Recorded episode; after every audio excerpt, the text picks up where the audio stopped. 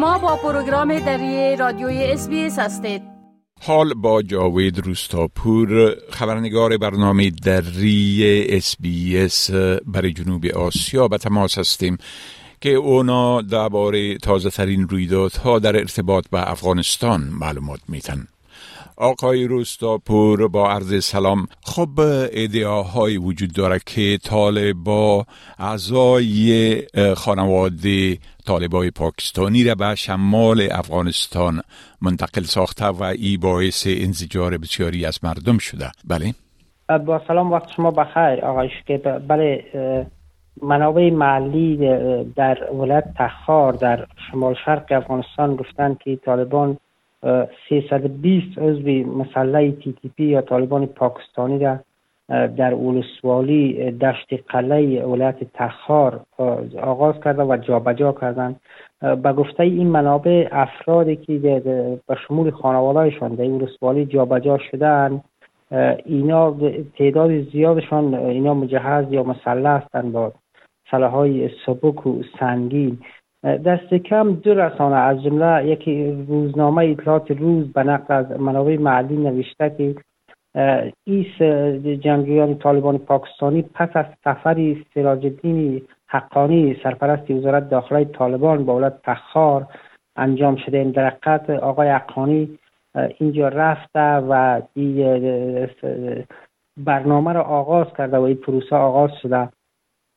پیش از این هم در طول یک هفته گذشته که این موضوع رسانه‌ای شد و طالبان تایید کردند که انتقال اعضای خانواده های طالبان پاکستان در مرزهای پاکستان به مناطق شمال شمال شرق افغانستان آغاز می‌کنند به کمک ایسا این واکنش بسیار جدی را در پیداش چی در داخل افغانستان و چی در بیرون افغانستان.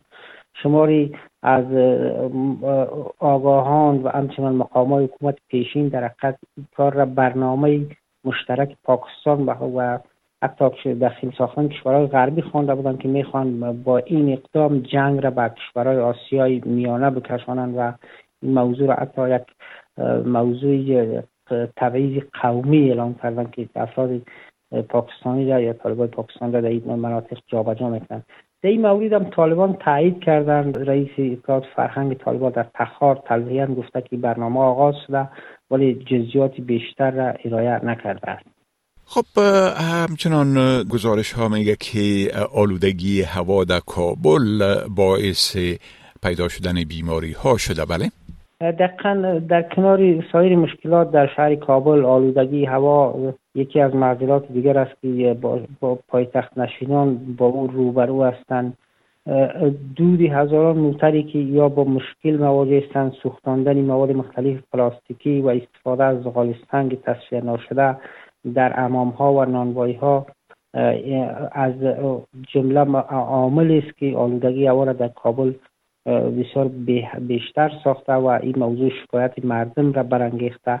شفاخانه ها مسئولانشان گفتند که به دلیل آلودگی هوا بیشتر مراجعین از یا که با مشکلات تنفسی روبرو هستند و همچنان انواع بیماری هایی که این سببشان آلودگی هوا در کابل رو به افزایش است همچنان این در حال است که شماری از کابل نشینان گفتند که در شفاخانه امکانات بسیار اندک است وقتی مراجعه می‌کنن اکثر نسخه برایشان میدن که در چنین وضعیت اینا توانایی خرید دوا را هم ندارند.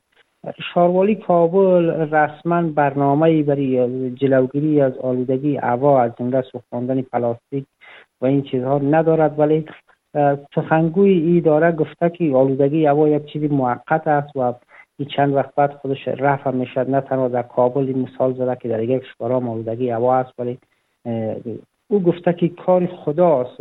رسانه ها ما بین قوس گرفته نقص قولی از گفته ما کاری کردن نمی‌تونیم. ولی چی که در طبیعت چی میگذره کار خداست ولی شفا و بیماری هم به خداست. ما امیدواریم که زود رفع شود.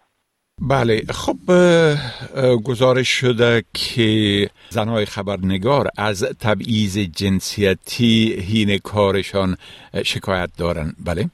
بله. شماری از خبرنگاران زن که در تعدادشان هم گرچه بسیار هندک است فعلا که در های افغانستان کار می‌کنن اینا از اجازه نیافتن اشتراک در شماری از کانفرانس های خبری دولتی شکایت کردند همچنان اینا گفتن که با تبعیض جنسیتی روبرو هستند و هر از گاهی که اینا به خاطر تکمیل کردن یا اطلاعاتشان در گزارششان یا خبرشان به منابعی از ادارات طالبان یا تماس می‌گیرند سخنگویان طالبان یا از صحبت با یا خودداری می‌کنن و یا هم بدون از که معلومات را کنن. برای از از پشت تلفن میگن که شما باید یکی از همکاران مردتان با ما صحبت کنید. چون خودتان نامحرم هستیم ما نمی‌تونیم که با شما بیشتر صحبت کنیم. اما زبیلای مجاهد سخنگوی طالبا این موضوع را رد کرده و گفته که زنان خبرنگار با در نظر داشت قوانین اسلامی می توانند که در رسانه کار کنند و هیچ ممانعتی وجود ندارد.